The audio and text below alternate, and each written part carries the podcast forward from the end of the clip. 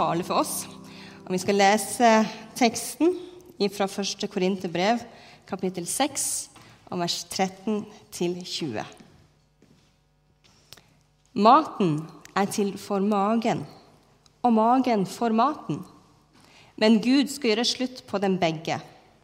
Kroppen er ikke til for hor, den er for Herren. Og Herren er for kroppen. Gud reiste opp Herren, og ved sin kraft skal han også reise oss opp. Vet dere ikke at kroppene deres er Kristi lemmer? Skal jeg da ta Kristi lemmer og gjøre dem til en hores lemmer? Det må ikke skje. Eller vet dere ikke at når noen holder seg til en hore, blir de én kropp? For det står de to skal være én kropp. Men den som holder seg til Kristus, blir én ånd med ham. Hold dere langt borte fra hor. All synd som et menneske gjør, er utenfor kroppen. Men den som driver hor, synder mot sin egen kropp.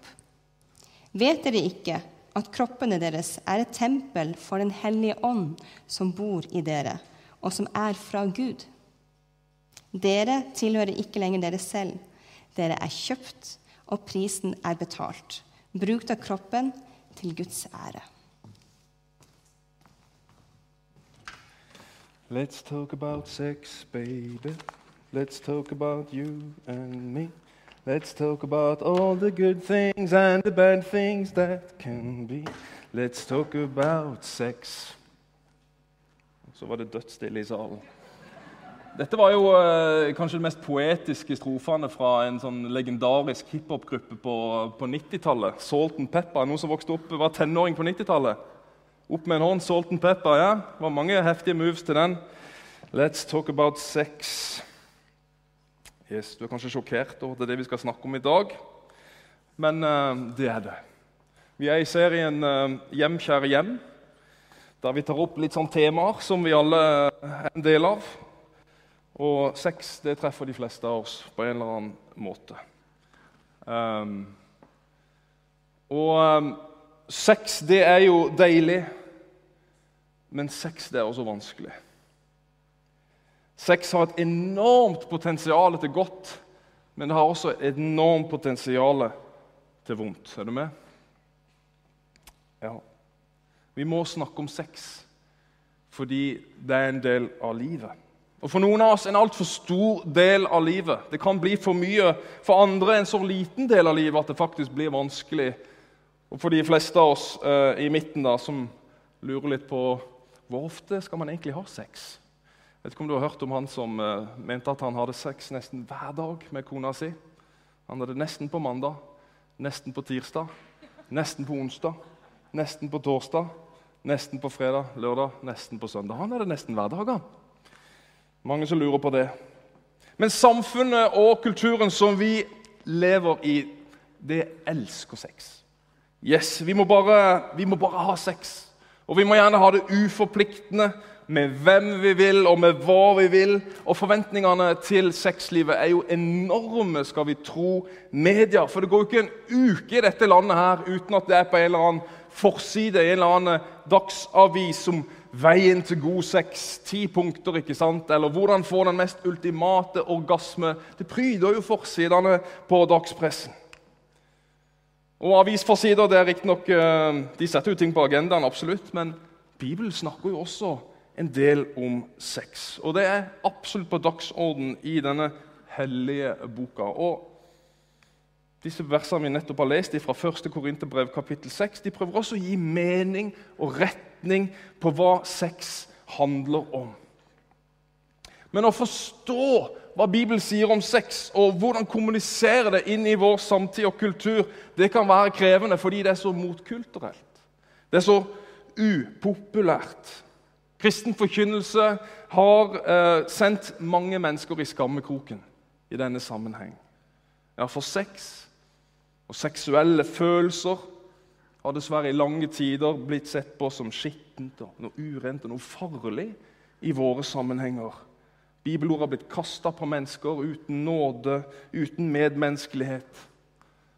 Og På mange måter så kan vi kanskje gi Kirka en del av skylda for dette negative synet på, på, sex, og hvordan samfunnet da har i ja, 60-70 år nå protestert i en seksuell revolusjon.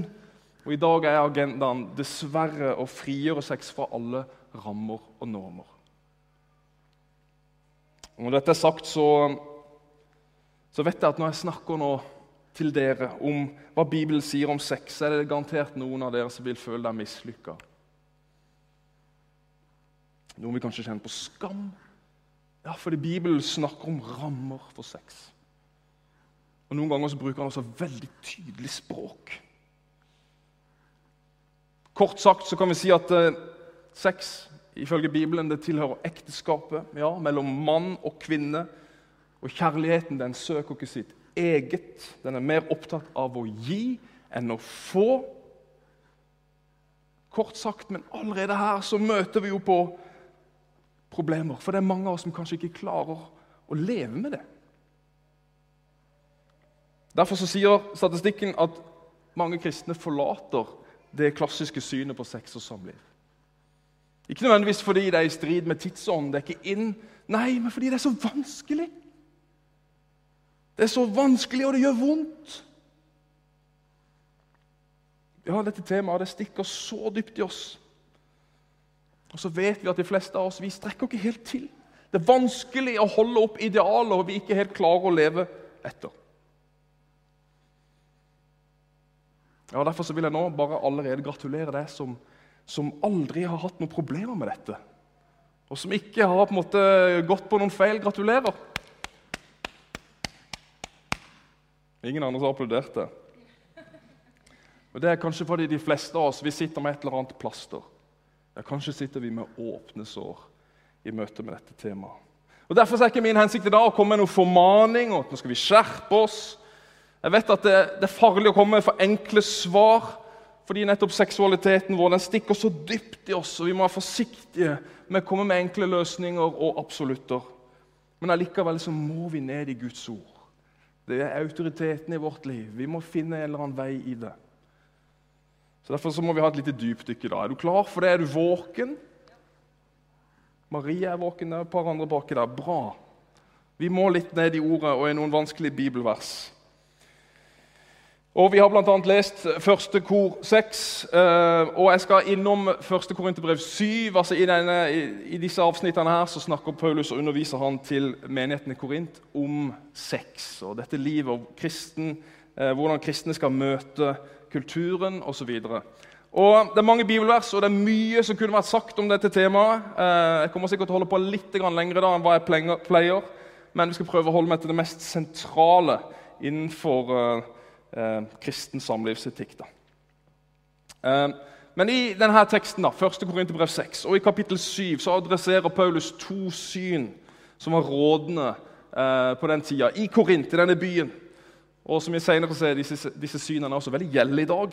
Selv om Bibelen er en gammel bok, så er den veldig aktuell.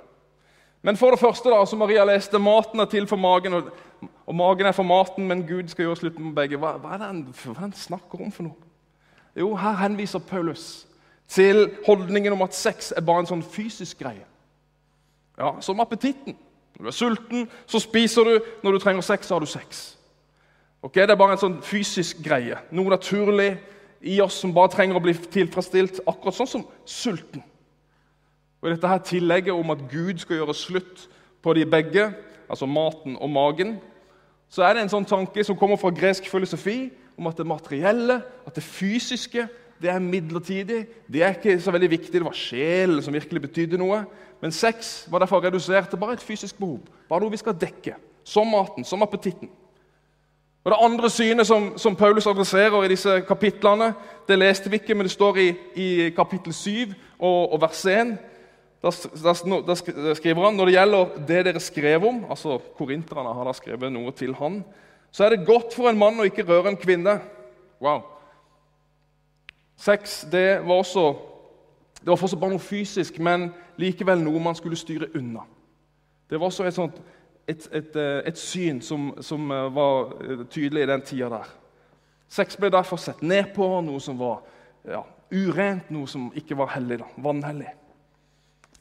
Og så er det jo interessant da, Selv om Paulus skriver dette her for over 2000 år siden, så kan vi kjenne igjen noe av dette tankegodset. I dag kan vi ikke det. Vi hører det i samfunnet. Sex det er noe naturlig. Det er bare sykt digg. Du kan ha sex med hvem du vil. Det er bare et behov som vi må få tilfredsstilt. Men så kan vi også høre fra ja, kanskje spesielt religiøse kretser da, at sex er noe urent, det er noe syndig, det er noe negativt, det er noe vi må holde oss unna. Men mest sannsynlig er ikke Paulus enig i noen av disse retningene. og Han vil argumentere at begge er feil. Men hva sier han egentlig om sex? Og nå må vi tilbake til første kor og den teksten sex, eh, Viktig at det er første kor seks. ikke sant? Ja, ingen som tok det. Men eh, hold dere langt borte fra hor. Da er vi tilbake igjen der. Jeg blir alltid, aldri helt sånn dus med det ordet hor og, den, og den, det verset der. Eh, vi bruker ikke så mye hor i vår dagligtale. gjør vi det? Jeg syns sjelden jeg hører det. Du må nesten liksom være sint for å, for å bruke et sånt ord. Og tenker på, Da tenker jeg på, på svigerfar. Rolige, avmælte svigerfar som, eh, som, en gang hadde en sånn Gordon Setter-tispe. Som, eh, som stadig vekk stakk av gårde for å kose seg med hannhundene i gata. Og En gang når denne kom krypende da tilbake igjen, så 'Der er du, de hore!' sa han til henne. Hele familien i sjokk. Men eh, det, det, det, ja. det er ikke så ofte vi bruker det ordet. Engelske oversettelser eh, bruker gjerne ordet eh, 'sexual immorality' eller 'seksuell umoral'. Eh, ja, Men hva, hva, betyr det egentlig, dette ordet? Jo, Paulus, når han sier at vi skal holde oss langt borte fra hor, så er det uh, ordet 'pornea'. Det er å ha sex utenfor ekteskapets rammer. Uh, han snakker ikke om utroskap her blant gifte menn og kvinner. Nei, Da kunne han ha brukt et annet ord, men han snakker både til gifte og til single eller ugifte. Og så sier han gjør alt det du kan. Hold deg borte. Altså, det er ganske sterkt uttrykk, da. Um, hold deg borte fra sex utenfor ekteskap. Men hvorfor er Paulus så opptatt av ekteskapets ramme? Er det så nøye? Altså, Så lenge det er samtykke, som det er så fokus på i, i media i dag, så er det vel greit å, å ha sex? Er det ikke det? Um, og Hvor mange har ikke gifta seg bare for å ha sex fordi de brenner i begjær, og så senere så finner de ut at nei, vi passer jo egentlig ikke sammen? Skaper ikke dette her egentlig bare høyere skilsmissestatistikk? Det mener jo faktisk eh, han Gisle Sørus, sogneprest i Sveio. Kunne glemt å ha vist klippet her, da, men han sier det at det er jo mye bedre at eh, de unge kan ha sex. Da holder vi skilsmissestatistikken nede.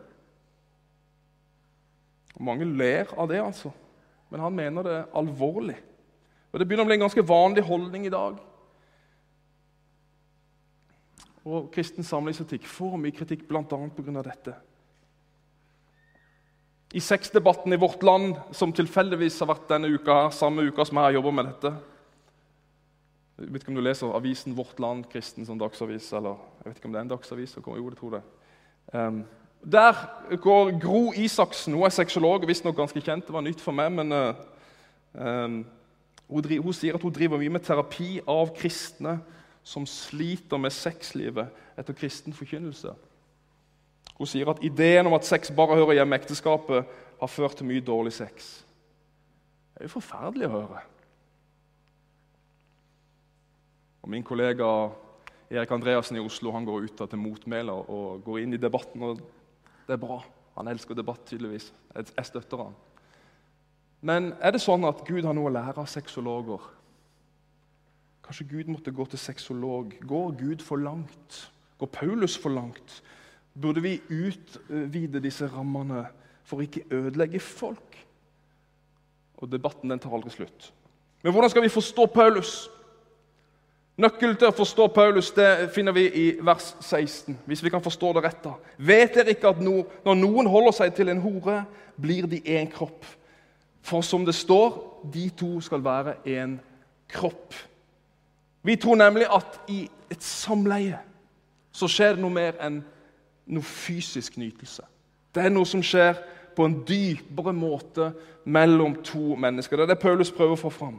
Og Ordet 'kropp' her, det betyr mer enn kjøtt. I ordet 'kropp' så ligger også vår personlighet, eller hvem vi er. Og Kirken har gjennom alle tider forstått dette som en forening av en måte, mennesker i ånd, sjel og kropp. At det er det som skjer i et samleie. Det er på dypere nivå. Når du har samleie, så gir du det fullt og helt til, selv, nei, til den som du tilhører. Og Derfor så har ikke Gud gitt oss sex bare med tanke på forplantning. Det er jo bare kjedelig. Nei, Gud har ikke gitt oss sex bare for nytelsen heller. Nei, det fins faktisk mer. Er det ikke utrolig? Jo, Gud har gitt oss sex som et radikalt uttrykk for hengivenhet. Ja, en Guds gave til oss, så vi kan gi oss gi oss sjøl til den andre personen på en så sterk måte at det fører til personlig forvandling og, det, og noe dypt i oss av oss sjøl, det overføres til den andre. Ja. Og Derfor så setter Bibelen grenser og sier at ikke del denne én-kropp-opplevelsen uten at det er i rammen av og i ønsket om ett liv sammen. Et liv, et helt liv i enhet. Derfor sier Bibelen 'vær aldri naken og sårbar med noen' om du ikke er villig til å dele alt med denne personen. Ikke vær naken og sårbar mens du samtidig ikke er villig til å gi slipp på alt det andre som definerer deg i livet. Ikke gi kroppen din til noen som du ikke er villig til å gi slipp på din uavhengighet med. For når vi har sex, så bekrefter vi vår vilje til å være med det mennesket. Én kropp, en enhet.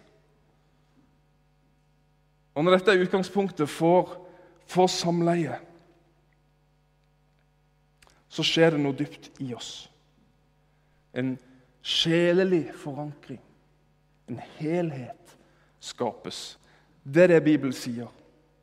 Så sex, sånn som Bibelen sier det Derfor er ikke sex bare en sånn forbruksbra uh, forbruksvare som, som melk og brød, men et gode i et paktsforhold. Ekteskapet, der vi har lova hverandre troskap hele livet. Det blir mange ord, jeg vet det. Men pastor og forfatter Tim Keller, eller Timothy Keller han, han sier det at fordi det er sånn, så sier han at sex i ekteskapet det er som et sakrament. Og sakramenter, jo, hva er sakramenter? Jo, det er jo et sånt synlig tegn på på en åndelig virkelighet. Et synlig tegn på noe vi ikke kan se. Så Derfor så blir sex et uttrykk for, eller et tegn på, at vi gir hele oss til hverandre. Et sakrament. Wow, det er flott sagt. I et samleie så sier vi derfor at 'jeg gir meg helt og eksklusivt til deg'. Jeg gir deg min kropp som et tegn på at jeg er åpen for deg på alle andre måter. Så sier Tim Keller at det er omtrent sånn at hver gang du har sex, da, så signerer du ekteskapspakten på nytt. Jeg syns det er et vakkert syn. da. Og det stemmer overens med, med hva Bibelen sier. Er det ikke fantastisk? At du kan ha et sånt høyt syn på sex. Teologer vil si at, at, det Paulus skriver her, det er så høyt og det er så revolusjonerende annerledes enn alt annet på den tida at det er helt utrolig. Det er ikke sex som denne appetittilnærmingen, at jeg bare har det noe naturlig. Det er heller ikke at sex er skittent og farlig. Det er langt ifra. Men vi lever jo i et samfunn hvor det er helt naturlig å gi kroppen sin uten å gi hele deg sjøl. Vi gir kroppen vår, vi nyter sexen utenfor ekteskapets rammer. Og Dermed så holder vi fast på vår egen uavhengighet, på vår egen kontroll. Og Det er da Paulus sier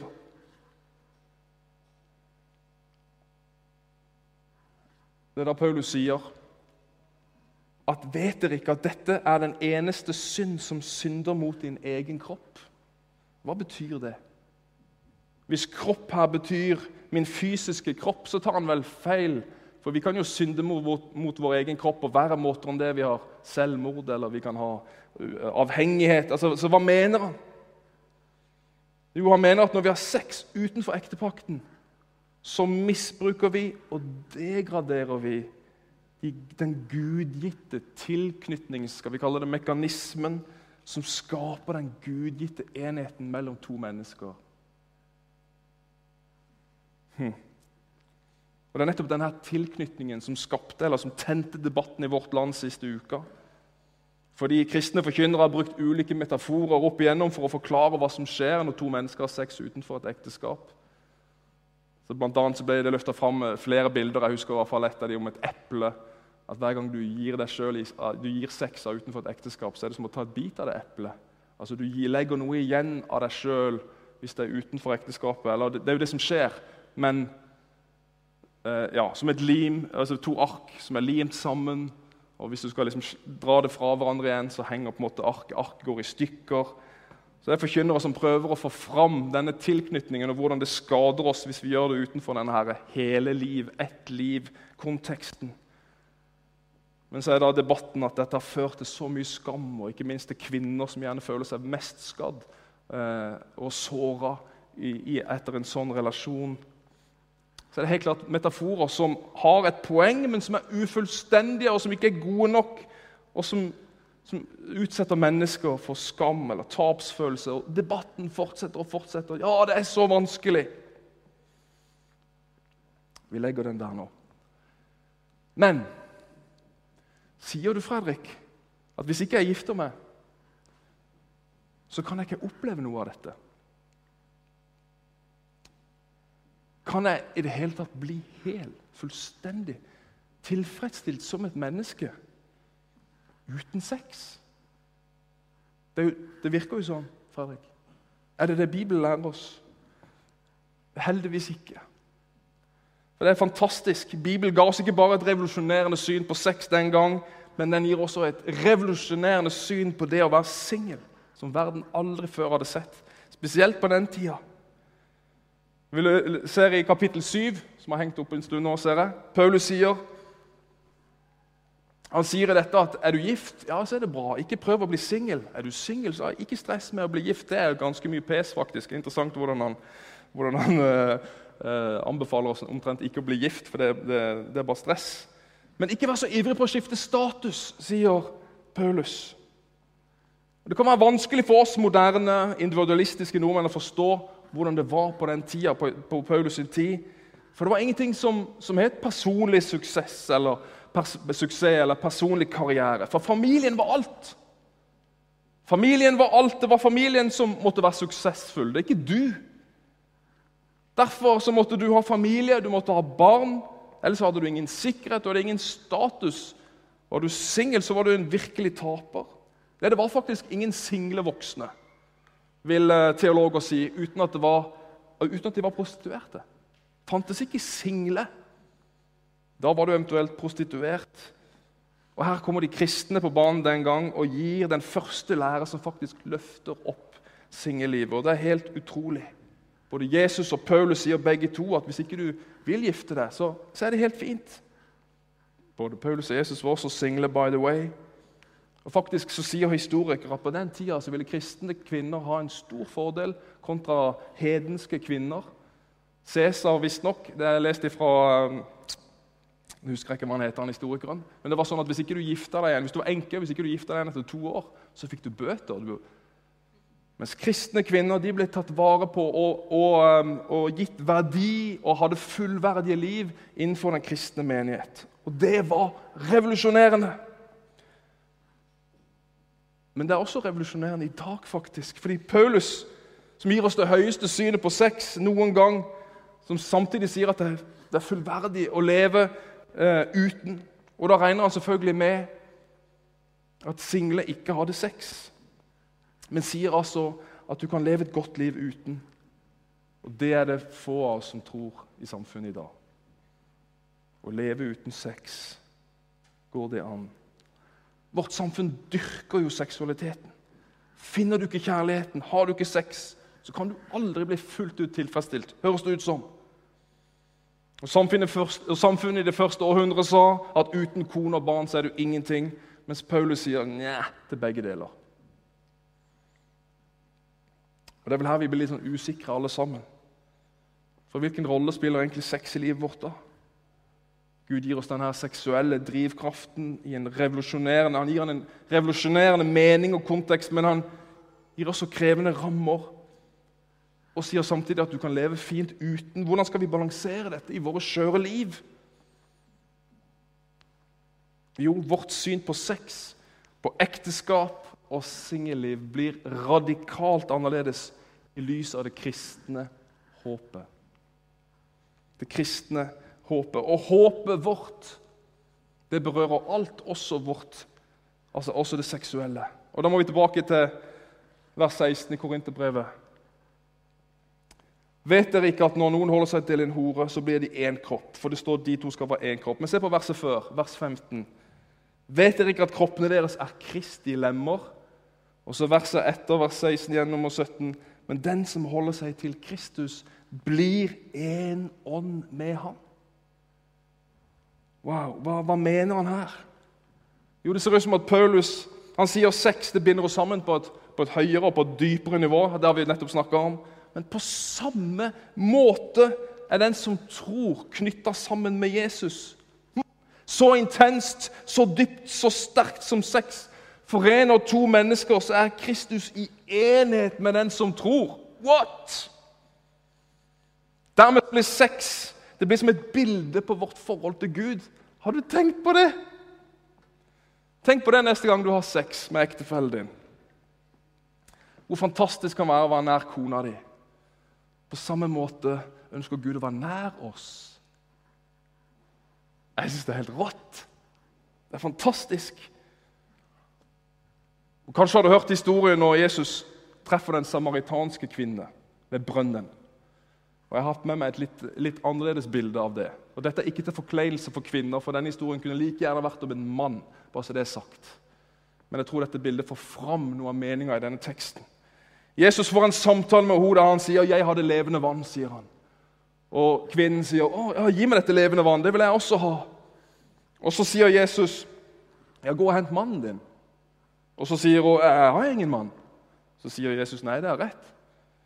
For du har hatt fem menn, og han du nå har, han er ikke din mann. Har du tenkt på hvorfor Jesus snur denne samtalen til å handle om hennes kjærlighetsliv?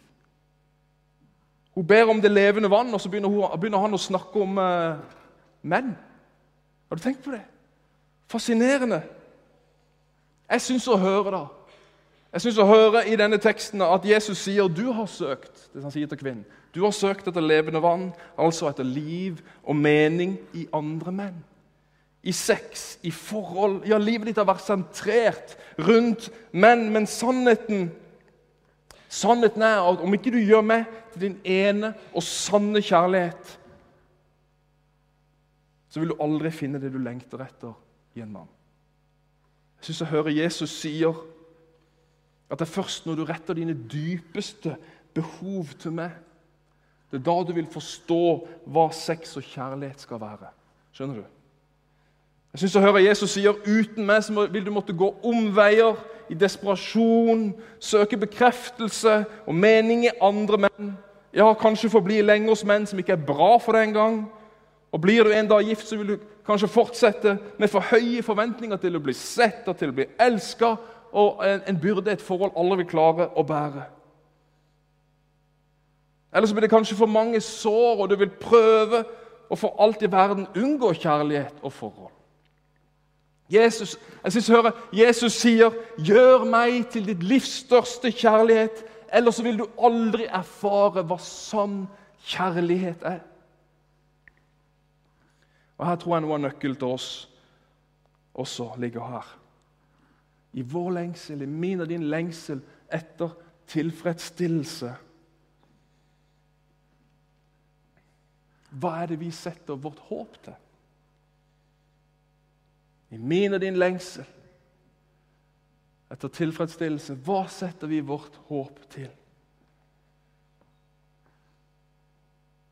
Det er et sabla godt spørsmål. I Bibelens håp om en bedre framtid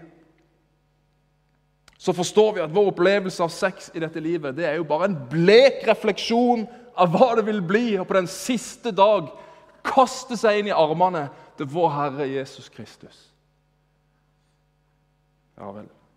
Jo, det er jo hans kjærlighet vi trenger aller mest. Det er jo han som er den ultimate tilfredsstillelse. Ikke sex, ikke ektefellen, men han.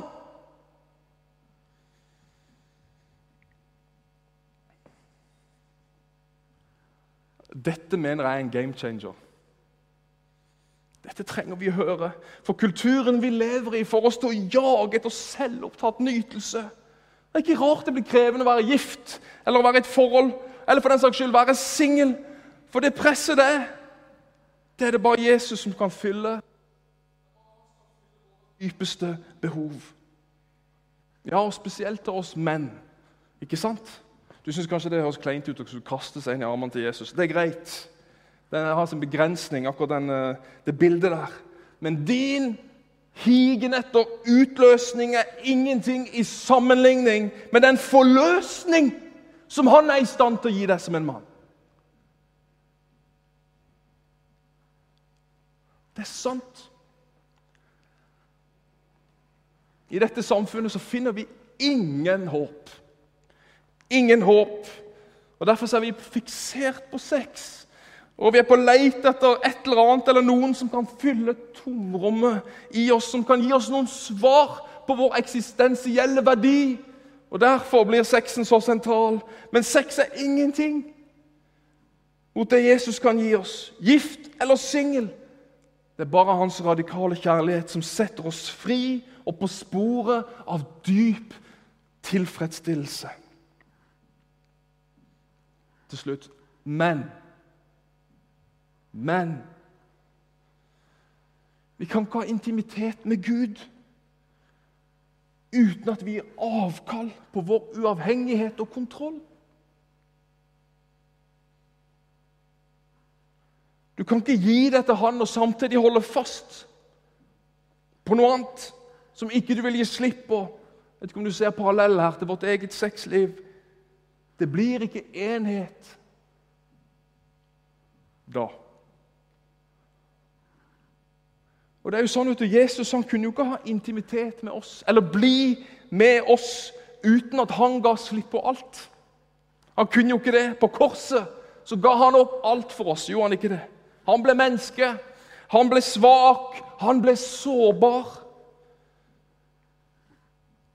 Siste verset der, i det vi leste, dere tilhører ikke lenger dere selv, dere er kjøpt og prisen betalt.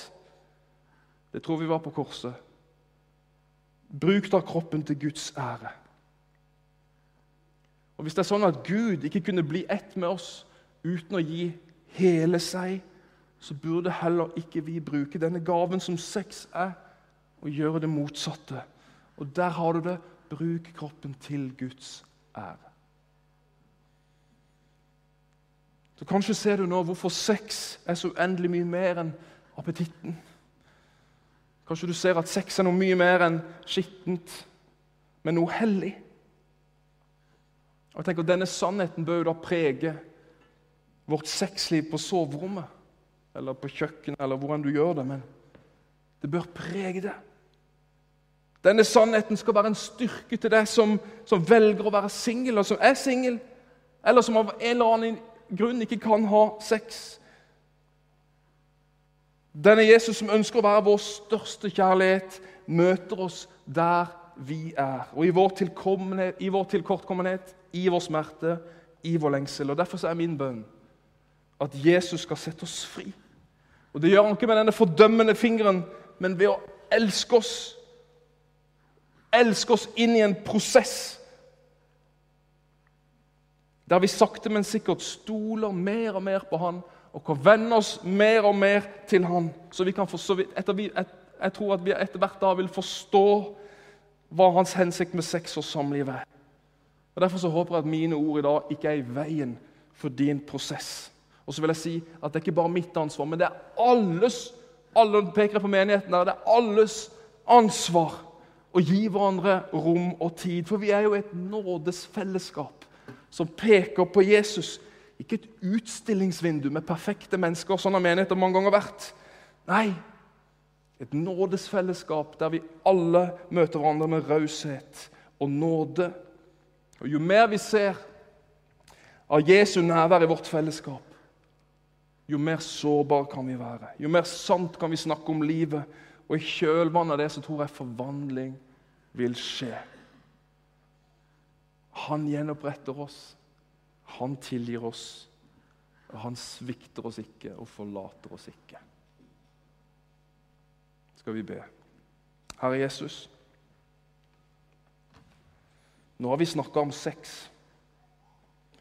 Eller jeg har snakka om sex. Og mennesker har lytta. Og selv om herre, det var ikke lett for meg å snakke om sex, så er det enda vanskeligere å høre det. Herre. Og Derfor så vil jeg be Herre om at disse ord, som jeg tror er sannheten Herre, om hva du sier er sex og samliv, så vil jeg be Herre om at det skal lande godt. For vi trenger deg, Herre, i møte med dette. Herre, vi er svake mennesker, vi er sårbare mennesker. Og dine idealer er noen ganger, Herre, så høye og så vanskelige. Men Herre, jeg ber for oss om at vi skal forstå at du, Hellige Ånd, skal overbevise oss om hva som er sant, og hva som er ekte. Og så vil jeg be Herre for de av oss som sitter her kanskje med dype sår eller smerte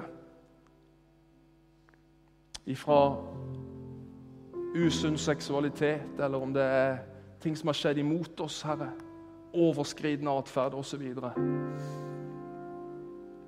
Herre, hjelp oss. Hjelp de. Herre, vi trenger ditt nærvær i vårt fellesskap, så mennesker kan bli gjenoppretta. Kom, Hellige Ånd, vi trenger det. Kom, Jesus. Åpenbar det for oss. I Jesu navn. Amen.